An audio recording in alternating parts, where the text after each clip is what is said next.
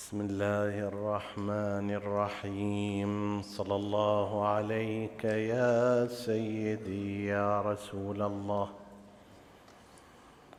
صلى الله عليك وعلى ابن عمك أمير المؤمنين وعلى آل بيتك الطيبين الطاهرين.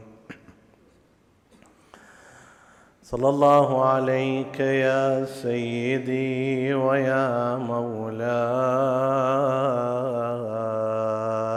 يا أبا عبد الله الحسين. ما خاب من تمسك بكم وامنا من لجأ إليكم. يا ليتنا كنا معكم فنفوز فوزا عظيما. عظم الله لك الأجر يا سيدي يا صاحب العصر والزمان بمصاب جدك الحسين. وعجل الله تعالى فرجك بأبي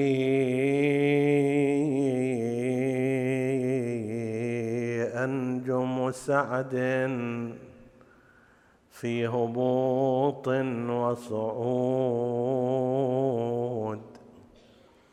طلعت من أفق المجد وغابت في اللحود سعدت بالذبح والذابح من بعض السعود.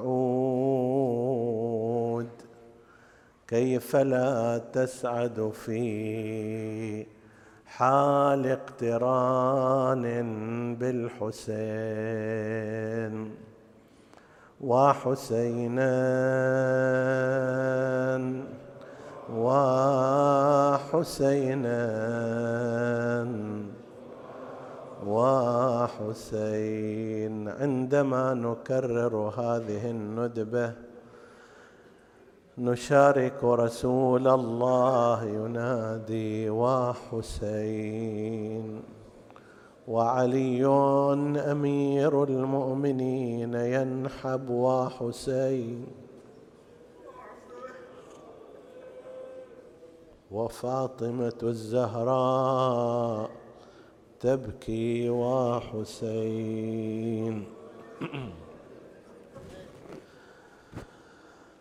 عندها ظل حسين مفردا بين الجموع. ينظر الآل فيذري من مآقيه الدموع. فانتضى للذب عنهم مرهف الحد لموع عزمه يغريه بالطعن شمال الصفحتين. وحسينا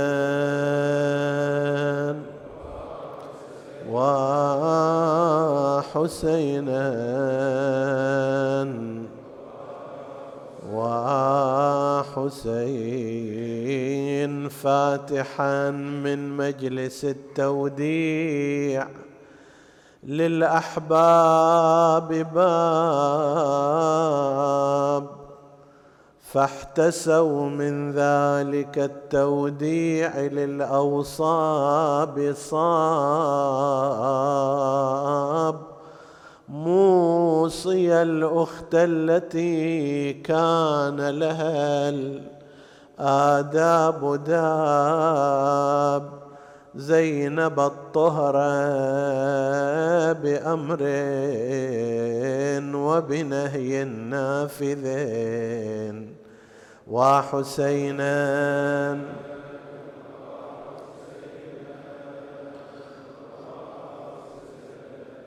أخت يا زينب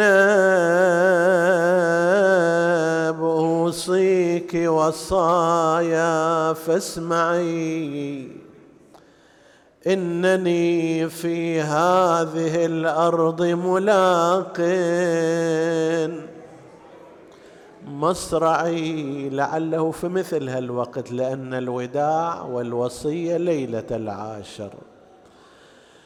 إنني في هذه الأرض ملاق مصرعي اصبري يا زينب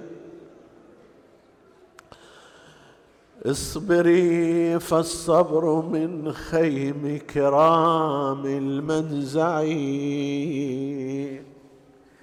كل حي سينحي عن الأعداء حين وحسينا.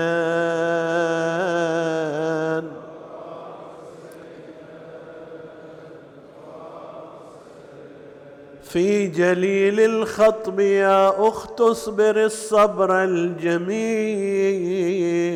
إن خير الصبر ما كان على الخطب الجليل. واترك اللطم على الخد وإعلان العويل ثم لا أكره سقي العين. ورد الوجنتين وحسينا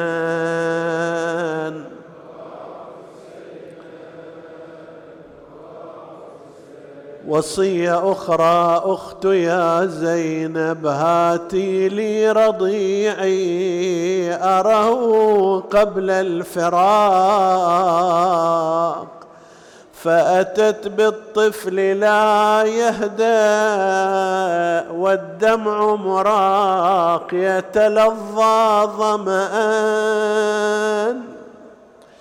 يتلظى ظمآن والقلب منه في احتراق.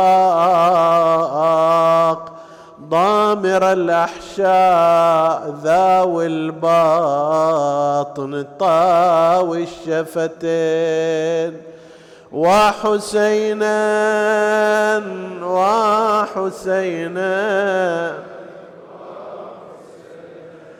فدعا في القوم يا لله من خطب فظيع نبئوني أنا المذنب أم هذا الرضيع لاحظوه فعليه شبه الهادي الشفيع. لا يكن شافعكم خصما لكم في النشأتين. وحسينا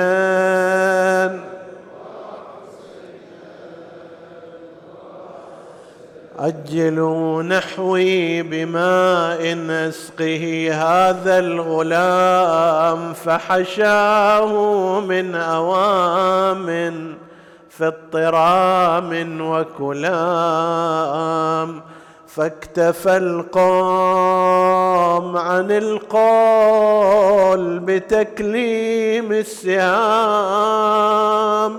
وإذا بالطفل قد خر صريعا لليدين وحسين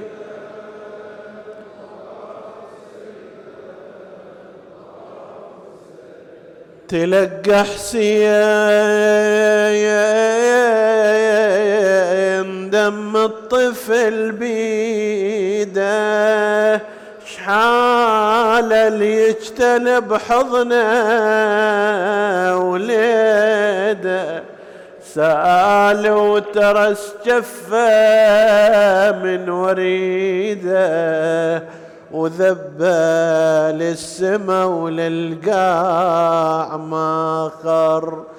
أويلي من لفت سكنة نادي يا يا العطش هالمرة دفادي صدت لأن أخوها الطفل غادي. يلولح رقبته ودمه يفور. وحسينا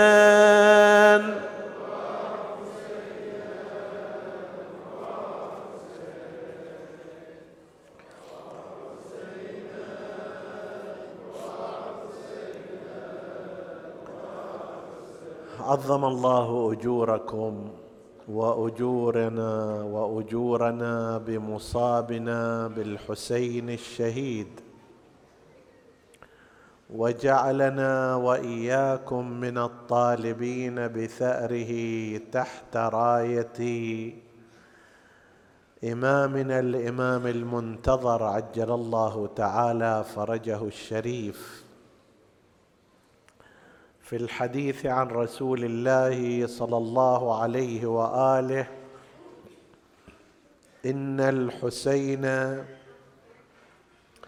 مصباح هدى وسفينة نجاة وإمام عز وفخر.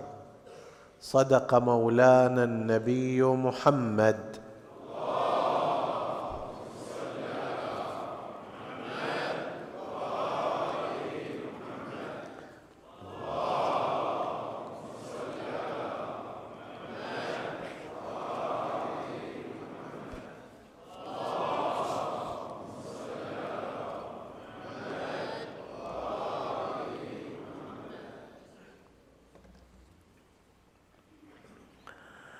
بالرغم من أن أجواء المصيبة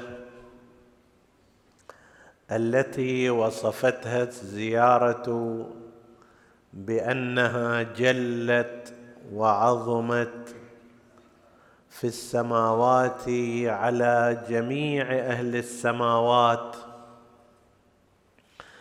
أجواء هذه المصيبة هي الغالبة والمسيطره وتستحث العبرة والدمعة وذكر المقتل. إلا أننا بالإضافة إلى ذلك لا بد أن نشير إلى بعض خصائص صاحب هذا المقتل العظيم. فنجمع بين العبرة والعبرة وبين المعرفة والدمعه وفي كل أجر وثواب إن شاء الله تعالى. الإمام الحسين عليه السلام هو أبلغ الواعظين. وأعظم المتكلمين بدمه وشهادته بعد لسانه وبيانه. فإذا كانوا قد كتبوا في بلاغة الإمام الحسين عليه السلام ونقلوا الكثير من أقواله التي تشابه في بلاغتها بلاغة أمير المؤمنين وفي فصاحتها فصاحة النبي الكريم. إلا أن وعظه بموقفه وبشهادته وبرأسه المعلى على رمح طويل هو أعظم العظات وأنفذ القول ليس لمن كان في زمانه وإنما هو عابر للتاريخ عابر للزمان متجاوز لحدود المكان. ولهذا يحق لنا أن نصيخ السمع إلى هذا الخطاب الذي ترجمه بشهادته وعبر عنه بدمه وخلق مسيرة في التاريخ لا تشابهها المسيرات الأخرى. الحسين في عظته هذه يقول لنا للمرء كل مرء عمران عمر بدنه وجسمه وعمر معناه وقيمه. العمر الأول محدود بزمانه محدود بمكانه لا يتخطى عددا معينا من السنين. إذا كثرت وإذا طالت لا تتجاوز في الأحوال العادية في أزمنتنا ما بعد المئة من السنين. هذا حد عمر الإنسان حد ما يطيقه بدنه. تاريخ انقضائه هو هذا المقدار. وإذا تجاوزه يعد من النوادر. وفي هذا سواء كان من الأنبياء أو كان من الأشقياء فإن أعظم خلق الله عز وجل هو نبينا المصطفى محمد.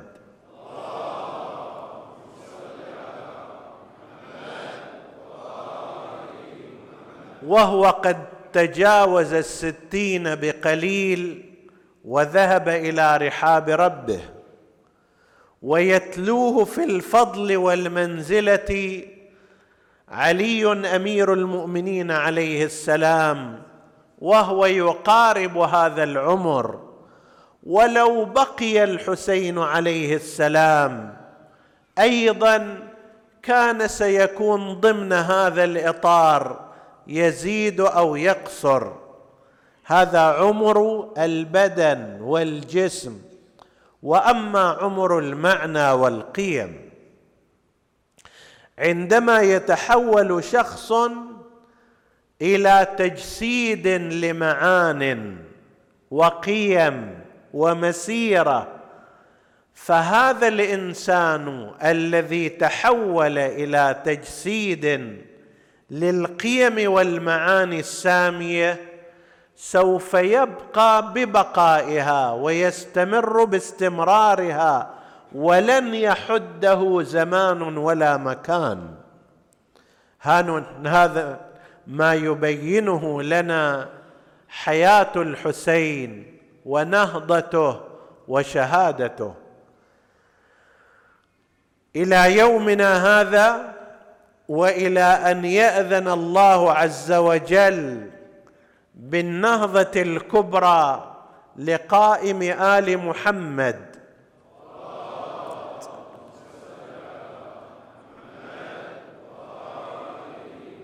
سيظل هذا المعنى الذي صنعه الحسين بمسيرته ونهضته وشهادته قائما إلى أن يرفع اللواء. حفيده الإمام المهدي في حركة الإصلاح العالمية. أي إنسان لصق نفسه بمعنى من المعاني السامية بدين الله بكلمة الله بحب الله بالتضحية من أجل الله أيضا هذا الإنسان سيبقى ببقاء هذه القيم.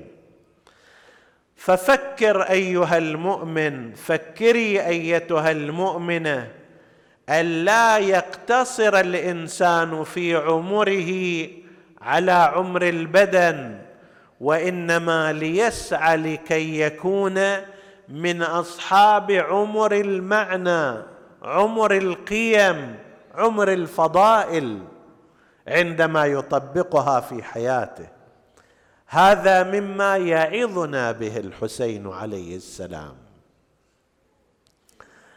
الحسين الذي لا أعلم أحدا في تاريخ البشر له من القدرة على التأثير والقيادة والتحريك كما هو للحسين عليه السلام في هذه الليلة. لو أراد إنسان بل لو أرادت لجان وجمعيات أن تحصي عدد من يحركهم الحسين لن تستطيع ذلك.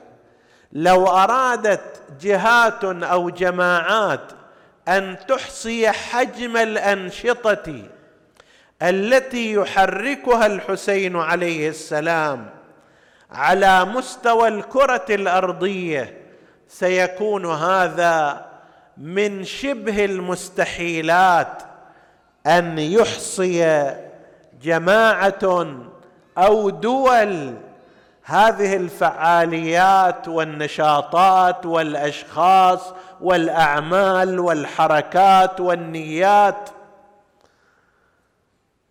التي كانت قد انبعثت من تحريك الحسين عليه السلام.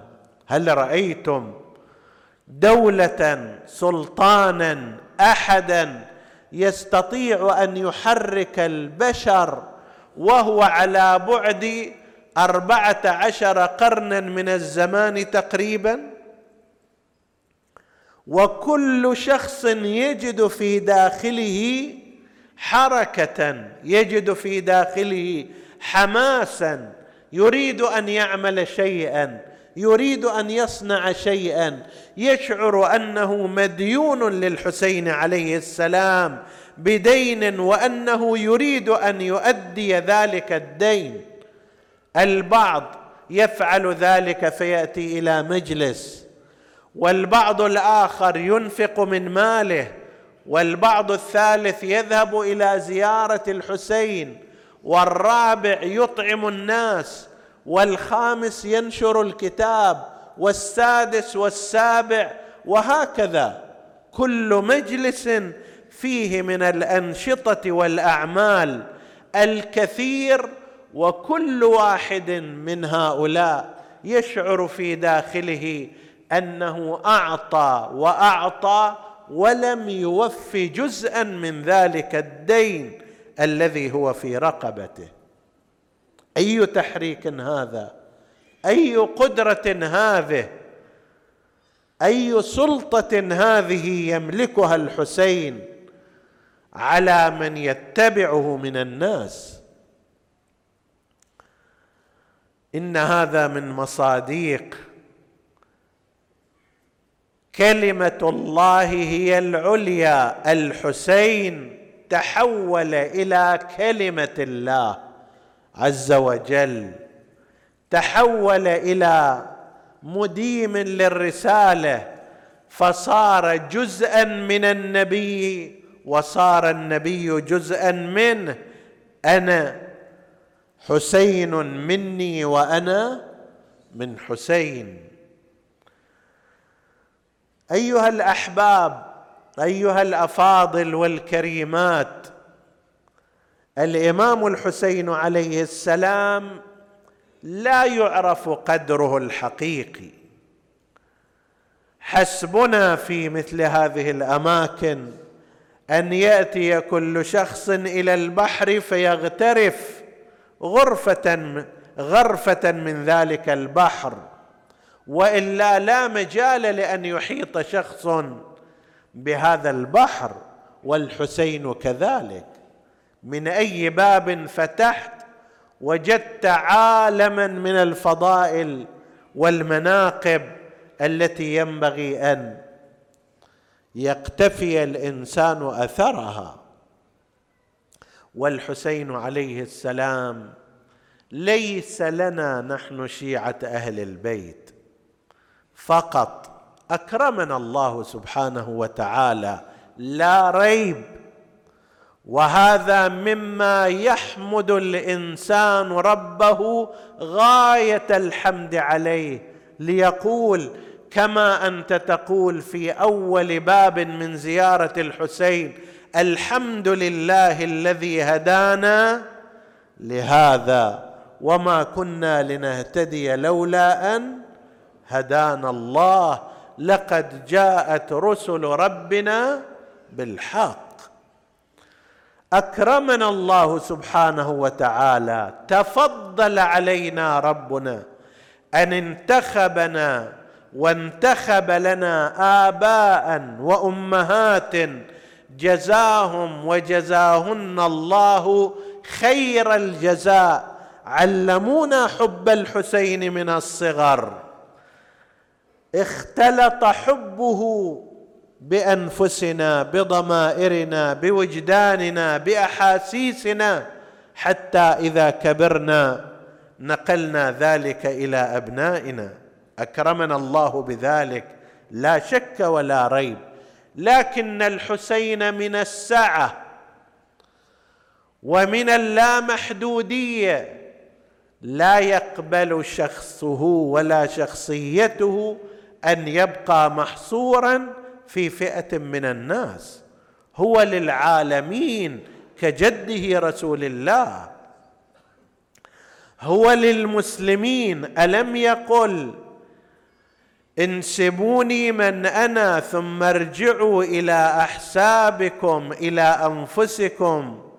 فاسألوها ألست أنا ابن بنت نبيكم؟ وابن وصيه أوليس سيد أوليس حمزة سيد الشهداء عم أبي أوليس جعفر الطيار عمي. هنا ماذا يريد أن يقول الحسين؟ كلاما كثيرا منه أن يقول لو كان هناك محور ينبغي أن يجتمع عليه المسلمون لكنت أنا ذلك المحور. فالتفوا أيها المسلمون حول الحسين. أوليس من غير الإنصاف أن تمر ذكرى الحسين على بعض المسلمين كما يمر أي حدث آخر؟ بل ربما أكثر من ذلك. تمر على بعض المسلمين ذكرى الحسين وإذا بهم يحتفون من دون أن يشعر بعضهم بسنة أموية كالصيام في يوم عاشوراء والذي اتخذه الأمويون عيدا لهم. أو أن بعض المسلمين يتطيبون ويتزينون ويأكلون الملذات في هذا اليوم حلوى عاشوراء وغير ذلك كما ذكروا في بعض بلاد المسلمين جريا على ما أسسه الأيوبيون المخالفون لأهل البيت عليهم السلام وغيرهم ممن انتهجوا هذه السنة الأموية. الحسين عليه السلام لجميع المسلمين وينبغي أن يكون كذلك. وهذه مسؤولية شيعة أهل البيت عليهم السلام في إيصال صوته في التبشير بقضيته على المؤمنين إذا أرادوا هذا الأمر. نشر عليهم نشر الكتاب بمختلف اللغات. لا ينبغي أن يكون عندنا نقص في جانب مقتل الحسين بعشرات اللغات صوتا وصوره وكتابه وطباعه. هذا من أهم القربات. لا ينبغي أن نقصر في أن يكون لنا فضائيات بمختلف اللغات تنشر ذكر الحسين وقضية الحسين في كل مكان. ولا ينبغي أن يصغى إلى الأصوات السلبية التي تقول هذه مثلا الفضائيات كذا وكذا. تفضل أن تأسس فضائية بالمقاييس التي تراها مناسبة. لا يكن هم الإنسان الانتقاد والانتقاص. ذاك جهده بهذا المقدار. أنت صاحب النظريات أنت صاحب الأفكار أنت صاحب المنهج الإعلامي. تفضل وتقدم إلى الميدان. لا يكن نصيبك فقط أن تنتقد فقط أن تتكلم. اعمل بدلا من أن تلعن ما تظنه الظلام. أشعل شمعة لو كنت من أهل النور. وهكذا الحال بالنسبة إلى المجالس. مجالس الحسين عليه السلام لها من الأثر الشيء الكبير جدا لكنه كأي شيء هو أثر تراكمي تدريجي. هل هناك أعظم عند المسلمين من القرآن الكريم؟ كلا هو كلام الله كتاب الله علم الله. ومع ذلك تأثيره تأثير تدريجي تراكمي. لم نجد ولا يمكن أن نجد شخصا قرأ القرآن قرأ سورة أو قرأ كل القرآن فتغير في نفس السنة 180 درجة. دلوني على واحد أخبروني عن شخص. لا يوجد ولن يوجد. هذا الذي يتصور هذا التصور لا يعرف الإنسان ولا يعرف المجتمع وإنما يقال اقرأ القرآن في كل يوم ولو خمسين آية على مدى الزمان والأيام والسنوات وهذا القرآن سيغيرك ويؤثر فيك ويزيدك قربا من الله يزيدك معرفة وثقافة ويتنزل تتنزل عليك رحمة الله وبركاته بشكل تدريجي. سوف تجد نفسك بعد مدة من الزمان غير الذي كنت عليه قبل هذه المدة. مجالس الحسين هي هكذا. في كل سنة أنا وأنت نتغير. أنفسنا تزداد صفاء. ثقافتنا ترتفع حبنا وولاؤنا لأهل البيت يزداد. رحمة الله علينا تتنزل لكن هذا مو كمية واحدة مو فجأة واحدة وإنما هي بشكل تدريجي وتراكمي وهذا اللي يحصل عند من يديم قراءة القرآن هكذا. من يتعرض إلى عطاء الحسين عبر مجالسه هكذا فكلما استطاع الإنسان أن يديم هذا الأمر زاد تأثره وزاد تغيره وزاد صفاء نفسه وحسن ضميره وهكذا. لهذا ينبغي التشجيع قدر الإمكان لا ينبغي للإنسان أن يقول كلمة فيها تضعيف لشيء حسن. ما فائدة هذه المجالس؟ لماذا تكثر المجالس؟ لماذا يتعدد الخطباء؟ لماذا؟ لماذا؟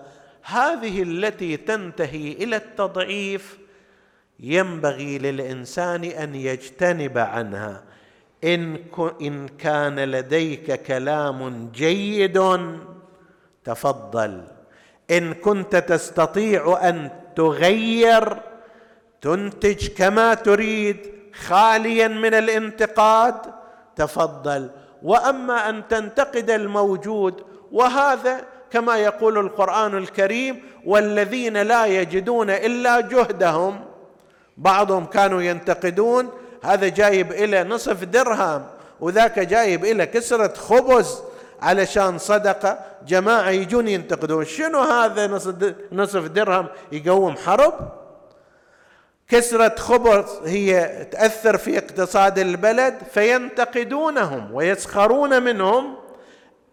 القرآن الكريم تهددهم هؤلاء الذين ينتقدون ويسخرون ممن يعطي العطاء البسيط. هذا مقدار هذا ما يستطيع أن يعطيه. أنت تقدر شيء أكثر تفضل إلى الميدان لا تنتقد غيرك. مجالس الحسين مجالس بركة. قال فيها الإمام إني لأحب تلك المجالس. أحبها. ويحب من فيها. في بعض الروايات ما اجتمع قوم فتذاكروا أمرنا إلا وتنزلت عليهم الملائكة وحلت عليهم البركة. حتى لو تذاكر بسيط حتى لو ما في معلومات عالية ومهمة جدا إذا ذاك حصل فنور على نور. لكن حتى لو كان بهالمقدار البسيط نفس هذا الاجتماع. فيه بركة تنزل وفيه ملائكة تتنزل وفيه ثواب. نسأل الله سبحانه وتعالى أن يجعلنا من أصحاب هذه المجالس وممن تنفذ إلى أعماقهم. محبة الحسين عليه السلام. لا نطيل أكثر من هذا. ينبغي أن نتجه إلى كربلاء. حيث تخيم أجواء المصيبة. مصيبة ما أعظمها وأعظم رزيتها. عظمت في السماوات على جميع أهل السماوات. عظمت على رسول الله. عظمت على أمير المؤمنين. عظمت على فاطمة الزهراء. عظمت على أئمة أهل البيت عليهم السلام جميعا. وتبدأ من هذه الليلة مو من بكرة ها؟ من الليلة. لعله أيضا مثل هذا الوقت الحسين عليه السلام خارج الخيمة يصلح سيفه. السجاد تمرضه عمته زينب في داخل الخيمة والحسين في خارج الخيمة يصلح سيفه. ويتمثل بالقول يا دهر أف لك من خليلي. كم لك بالإشراق والأصيل من طالب بحقه قتيل والدهر لا يقنع بالبديل وإنما الأمر إلى الجليل. الحسين ينعى نفسه يقرأ شيئا عن مصيبته المنتظرة السجاد في داخل الخيمة يقول أما أنا لما سمعت شعر والدي خنقتني العبرة وكتمت ذلك وأما عمتي زينب. كعبة المصائب هذه المره فإنها قامت من خيمة السجاد وخرجت إلى الحسين وألقت بنفسها عليه. أخي أبا عبد الله ليت الموت أعدمني الحياة. أراك تغتصب نفسك اغتصابا للموت. كأنك أنت متعجل على نفسك بالموت أخي أبا عبد الله. قال لها أخي الله الله في نفسك إن أهل السماء إن أهل الأرض يموتون وأهل السماء لا يبقون. جدي خير مني أبي خير مني أخي خير أمي خير مني أخي خير مني. ولي ولهذا الخلق برسول الله أسوة حسنة. فمن ذاك الوقت بعد زينب بدأت تتحسب إلى وقوع المصيبه إلى صباح ذلك اليوم صف الحسين أصحابه وصف المعسكر الآخر جندهم خيب الله خاتمتهم. فجاء الحسين لكي يخطب فيهم خطبة لعلها تهدي من شاءت له الإرادة الهداية الإرادة الإلهية الهداية.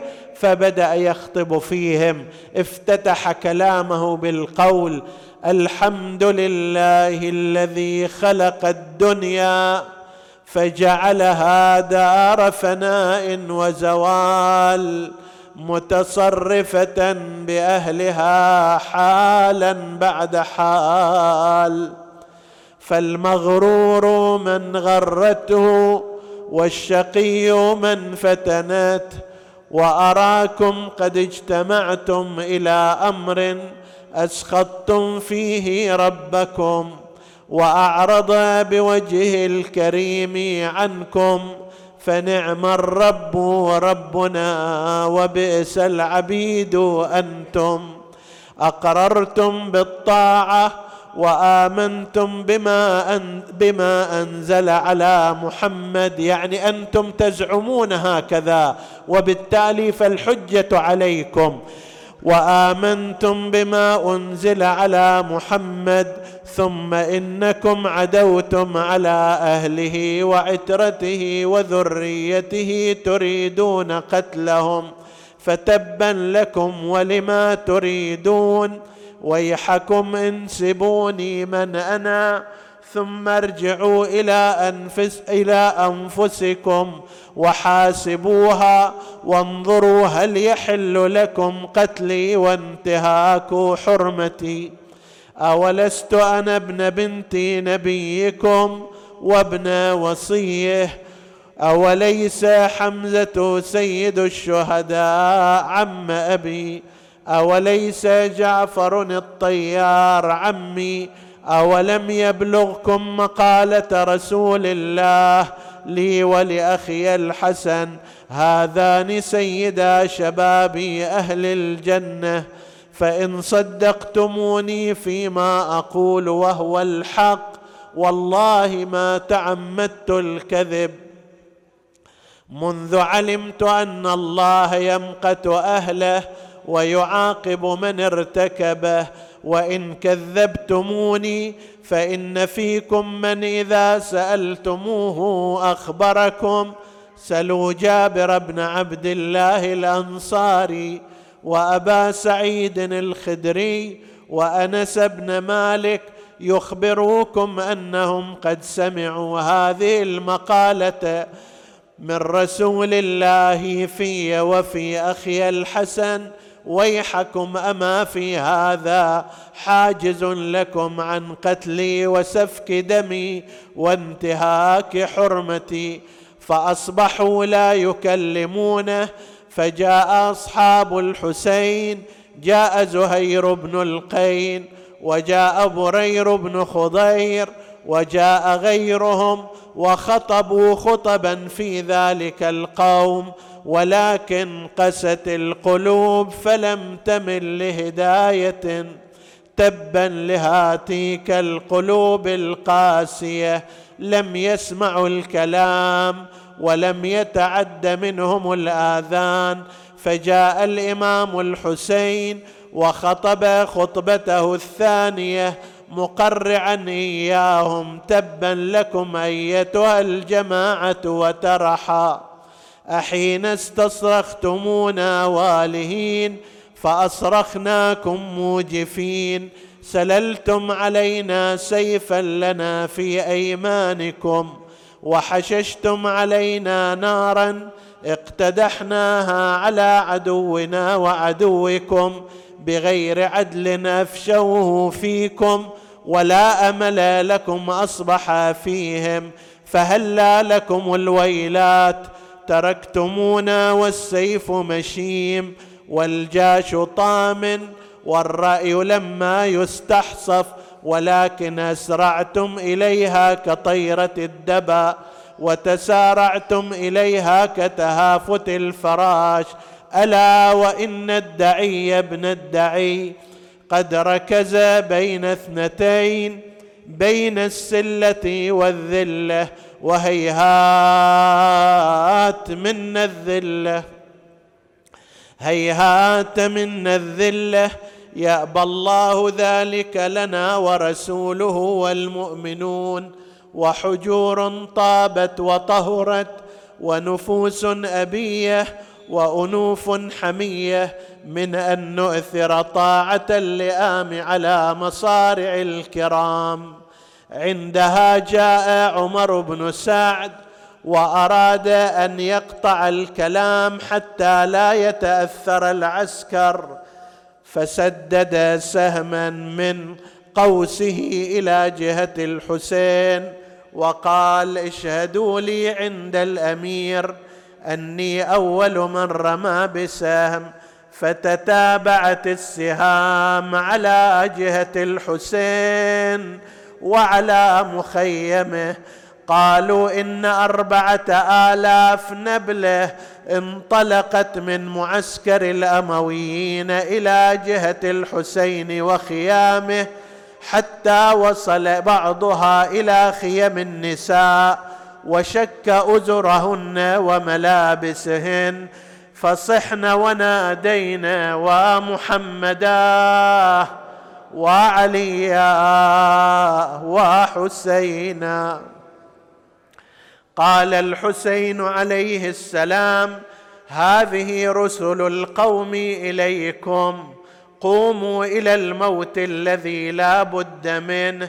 فقام أنصار الحسين واشتبكوا مع المعسكر الأموي ثار الغبار على القسطل أظهر أبطال كربلاء ملحمات بطولية؟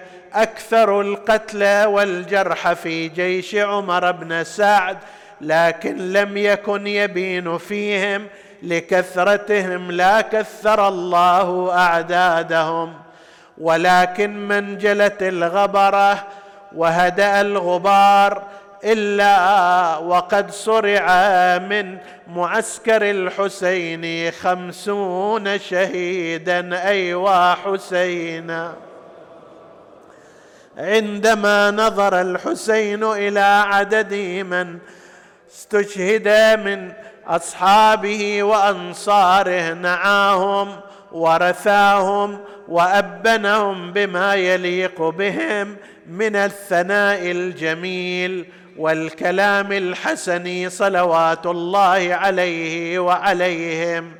قضى حق عليهم دون الخيار ولا خلى وخوات حسين تنظر. لما مات وتفايض منهم لا تهاوى مثل ما هو النجم.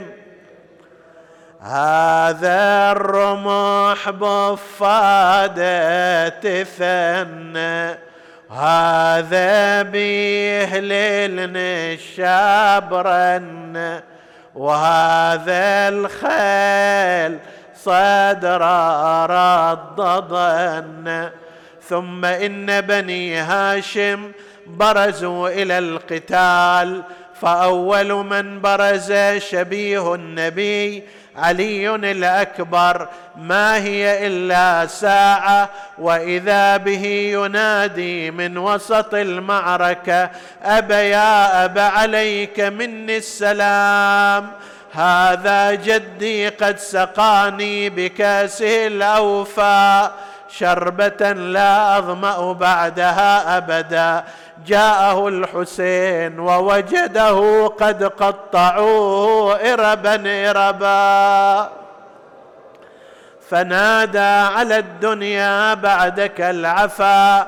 ثم برز آل عقيل وبرز آل أبي طالب. برز أبناء علي غير العباس.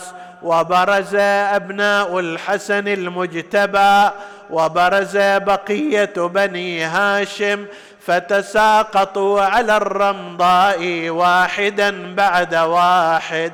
لم يبق مع الحسين إلا أبو الفضل العباس. جاء اليه مستاذنا وذهب إلى الشريعة. عظم الله أجرك يا حسين في أبي الفاضل فقطعوا منه اليمين وقطعوا منه الشمال ثم ضرب بالحديد على رأسه وهوى إلى الأرض صريعا. جاءه الحسين مناديا الآن انكسر ظهري. قلت حيلتي شمت بي عدوي ثم إن الحسين رجع إلى الخيمات. استقبلته زينب وسكينة نعى إليهما العباس فصاحت زينب وأخاه.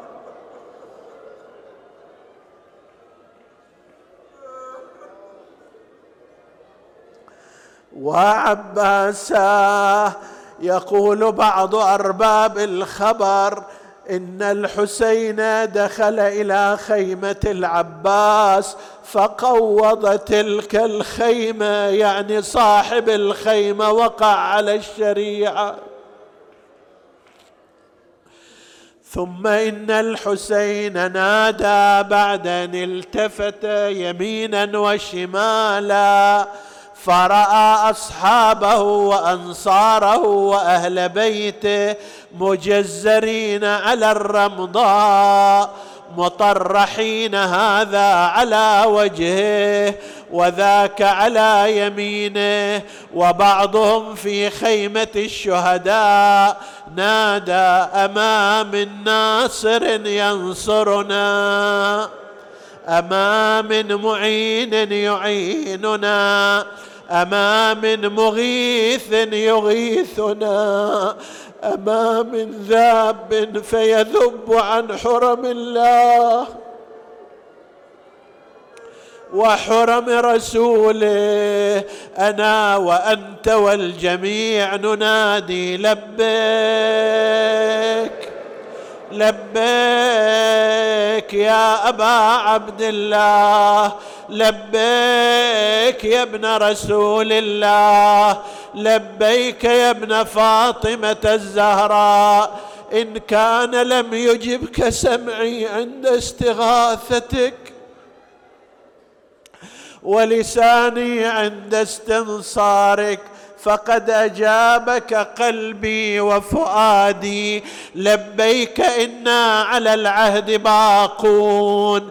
لبيك يا ابن رسول الله على نهجك سائرون والله لا نخليك أبدا ولا نفارق منهجك.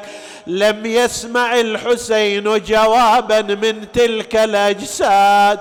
فجاء إلى الخيمات حتى يودع النساء والأطفال ويحمل على الأعداء. فنادى يا زينب يا أم كلثوم يا رباب يا فلانة ويا فلانة ويا سكينة يا بنات رسول الله ودعوني أهل بيتي الوداع. ودعوني أهل بيتي الوداع. يوم عاشر يذبحوني الوداع. فأحطن به النساء. هذه تقبل ذيله وتلك تتعلق برجله وهذه تشمه وتلك تضمه هذه تقول إلى أين يا رجانا إلى أين يا حمانا؟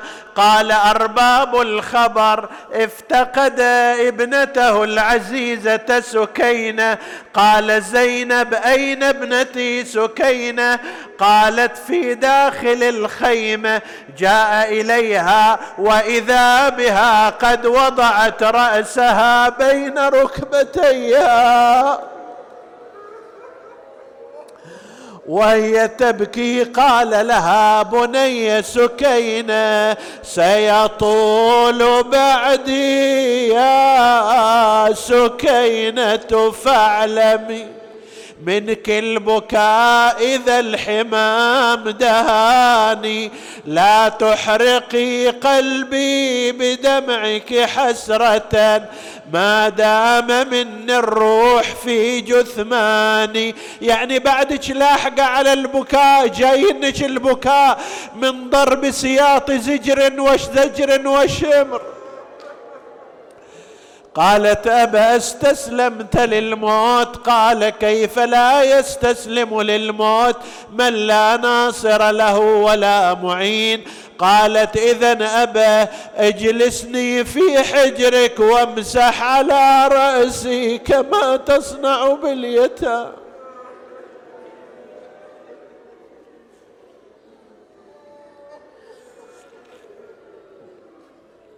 فعل لها ذلك ثم قام أراد أن ينطلق إلى الميدان. وإذا بزينب تأتيه بعبد الله الرضيع هذا الطفل قد جف اللبن في ثدي أمه. خذه إلى القوم وسلهم أن يسقوه. ذهب الحسين إلى أولئك القوم الأجلاف. نادى قتلتم أهل بيتي لم يبق إلا هذا الطفل الرضيع وقد جف اللبن في ثدي أمه. إن خفتم أن نشرب فخذوه إليكم واسقوه فما سقوه إلا بسهم حرملة. يقطع عنقه من الوريد إلى الوريد. ايوا امامه وحسين قالوا لما وقع السهم في رقبة الطفل فك يده من القماط وتعلق برقبة أبيه الحسين. أخذ الحسين دماءه رفعها إلى السماء وقال اللهم لا يكن أهون عليك من فصيل ناقة صالح. رجع الحسين إلى الخيمات ودفنه في كسر الخيمة حتى لا يقطع رأسه. عندما تقطع الرؤوس لكنهم قطعوا حتى رأس الطفل الرضيع. ودعهن مرة أخرى وانطلق إلى الميدان وهو يقول أنا الحسين بن علي آليت ألا أنثني أحمي عيالات أبي أمضي على دين النبي. فكان كلما برز إليه رجل قطع عنقه أو كر عليه فارس بعجه بسيفه حتى أكثر القتل والجرح فيهم. فنادى عمر بن سعد ويحكم هذا ابن الأنزع البطين هذا ابن قتال العرب ألا لا يبرزن إليه أحد ولكن احملوا عليه حملة رجل واحد. ودار العسكر على حسين يا حيف. ناس بالرماح وناس بالسيف يشبه دورها على الليث المخيف. بياض العين بصبيها يتدور. هذا والحسين يدخل في أوساطهم ويخرج من أعراضهم وهو يقول إلى اين تفرون وقد قتلتم إخوتي وقد قتلتم أهل بيتي وأنصاري حتى أكثر الجرح فيهم. عندها تعب مولانا الحسين. على أثر شدة الظما وعلى أثر الجراحات الواصله إليه إذ كان كل منهم يضرب الحسين بما يقدر عليه فنزفت دماء الإمام أرهقه العطش والظما فوقف يستريح قليلا لكي يعاود الكرة والحملة عليهم. اوجب يستريح حسين ساعة. بينما هو واقف هكذا يستريح وإذا بحجر ابي الحتوف يشتكه في جبينه أيوا حسينه انبعثت دماء الإمام غزيرة من جبينه سالت على عينه وعلى شيبته مسحها بطرف كمه ما توقفت رفع طرف قميصه لكي يمسح الدم عن عينه ووجهه. وإذا بسهم حرملة الميشوم يقع في أحشاء إمامنا الحسين. ايوا إمامه وسيدا قالوا حاول الحسين أن يخرجه من أمامه لكنه تنشب فأخرجه من قفاه. وانبعثت دماؤه غزيرة لم يستطع الحسين أن يستمسك على ظهر الفرس. أخذ يتمايل يمينا وشمالا. من شدة الظما ونزف الدماء. أدرك الفرس أن خياله لا يستمسك. فتدانى إلى الأرض فسقط إمامنا ووقع على التراب. وهو يقول بسم الله وبالله وفي سبيل الله وعلى ملة رسول الله وأغمي على الإمام بعد ذلك فتحير عسكر بني أمية ما الذي يريده الحسين؟ جاء منهم لعين فضرب الإمام بسيفه على كتفه. ورماه لعين في صدره. وهذا والإمام على ذلك التراب إلى أن قال عمر بن سعد ويحكم انزلوا إليه وأريحوه فنزل رجل جاء ليقتل الحسين لكنه حدق في وجه الحسين وعينه قال كأنهما عينا رسول الله وتراجع وجاء غيره ضرب الإمام ضربة وهرب إلى أن جاء شمر بن ذي الجوشن الضبابي. أيوا حسينة! تقدم إلى إمامنا عظم الله أجرك يا رسول الله. يا أمير المؤمنين تقدم إلى إمامنا وصعد على صدر الإمام. واستل سيفه من غمده وأخذ يهبر أوداجه. أكثر من هذا تقول الرواية. لم يقطعه من الأمام ثم كبه على وجهه. وأخذ يضربه من الخفا على رقبته. ضربات إلى أن فصل رأس الحسين من بدنه. ايوا إمامة.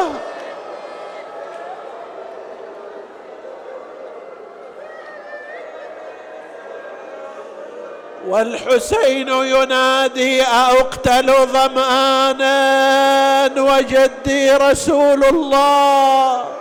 أقتل عطشانا وأمي فاطمة الزهراء؟ أقتل عطشانا وأبي علي المرتضى؟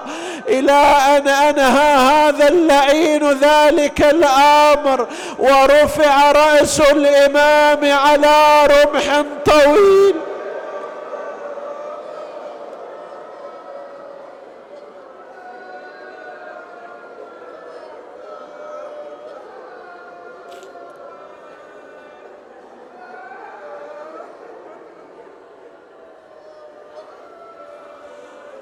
تقول له يا خايب خل اخويا حسين. ساعة يا أغمض له ومد للموت باع ما هو شمامة الحلوة. أطباع دخل براح روح حسين تظهر. ميت تبكي له فاطمة وأبوها وعلي ذو العلا توجهوا إلى زيارة الحسين. صلوات الله وسلامه عليه توجهوا إلى جهة كربلاء.